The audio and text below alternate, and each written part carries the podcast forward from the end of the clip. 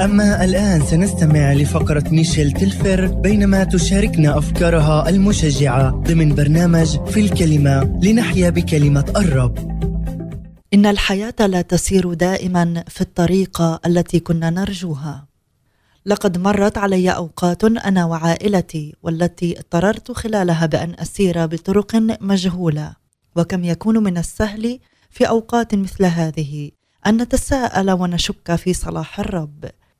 فمن الممكن أن يقول البعض لو كان الله إله محب نجده يسمح لأولاده الذين يحبهم بأن يختبروا الآلام والتحديات في حياتهم مثل المرض الهزائم والصعوبات المادية. وأغلب الأشخاص الذين يمرون بظروف شبيهة نجدهم يتساءلون إن كان الرب حقا معي أفلا يجب أن تسير حياتي بشكل أسهل؟ في الحقيقة لقد أعلم يسوع تلاميذه بأنهم سيجتازون في آلام وتحديات وضيقات كما ذكر في إنجيل يوحنا الأصحاح السادس عشر والآية الثانية والثلاثين والثالثة والثلاثين.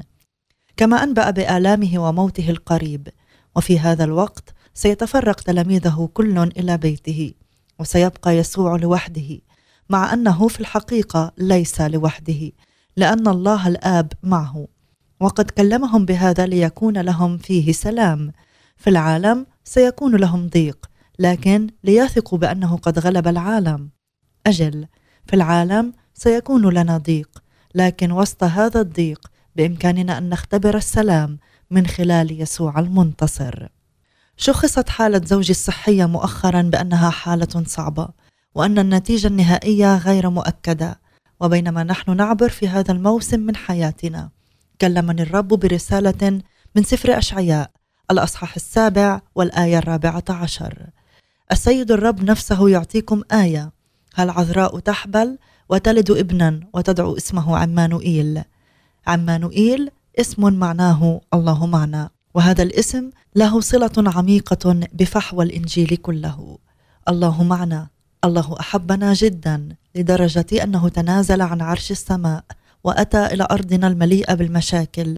لكي لا يبقى كل من آمن به وحيدا مهما كان المستقبل غامضا ومجهولا ومهما كانت الأمور التي يجب أن أواجهها فإنني أثق أن الرب معي. لقد كتب داود في مزموره الثالث والعشرين حتى إن سرت في وادي ظل الموت لا أخاف شرا لأنك أنت معي. ولقد وعدنا الرب في العهد الجديد في رسالة العبرانيين الأصحاح الثالث عشر والآية الخامسة قائلا لا أهملك ولا أتركك. نعم قد تعترضنا المشاكل والضيقات لكن موقفنا وتوجهنا تجاهها يمكنه أن يكون مختلفا. إن الرب معنا وسط هذه المشاكل. إن المسيحية تختلف عن باقي الديانات في العالم فمعظم الديانات تنادي بأنك يجب أن تجتهد لتصل إلى الله. وإذا حلفك الحظ وكنت جيدا بما فيه الكفاية فلعلك تستطيع الاقتراب إليه. لكن الأمر يختلف في المسيحية. فالإنجيل يخبرنا بأن الله والإنسان انفصلا بسبب الخطية إلا أن الله المحب أسس طريقا لنا للخلاص من خلال يسوع المسيح الذي أصبح إنسانا مثلنا واختبر الألم والضيقات. جاء ليكون معنا. وهذا ما يبعث لنفسي السلام لأنني واثقة بأنني لست وحدي ابدا. نحن لسنا بمعزل عن الآلام. فالصيف دائما يعقبه شتاء والجميع حتما سيعبرون في ضيقات. لكننا نستطيع أن نختار أن نمتلئ بالسلام وسط هذه الضيقات وذلك من خلال يسوع المسيح فقط. فهل تضع ثقتك به وتسأل بأن يكون عمانوئيل في حياتك؟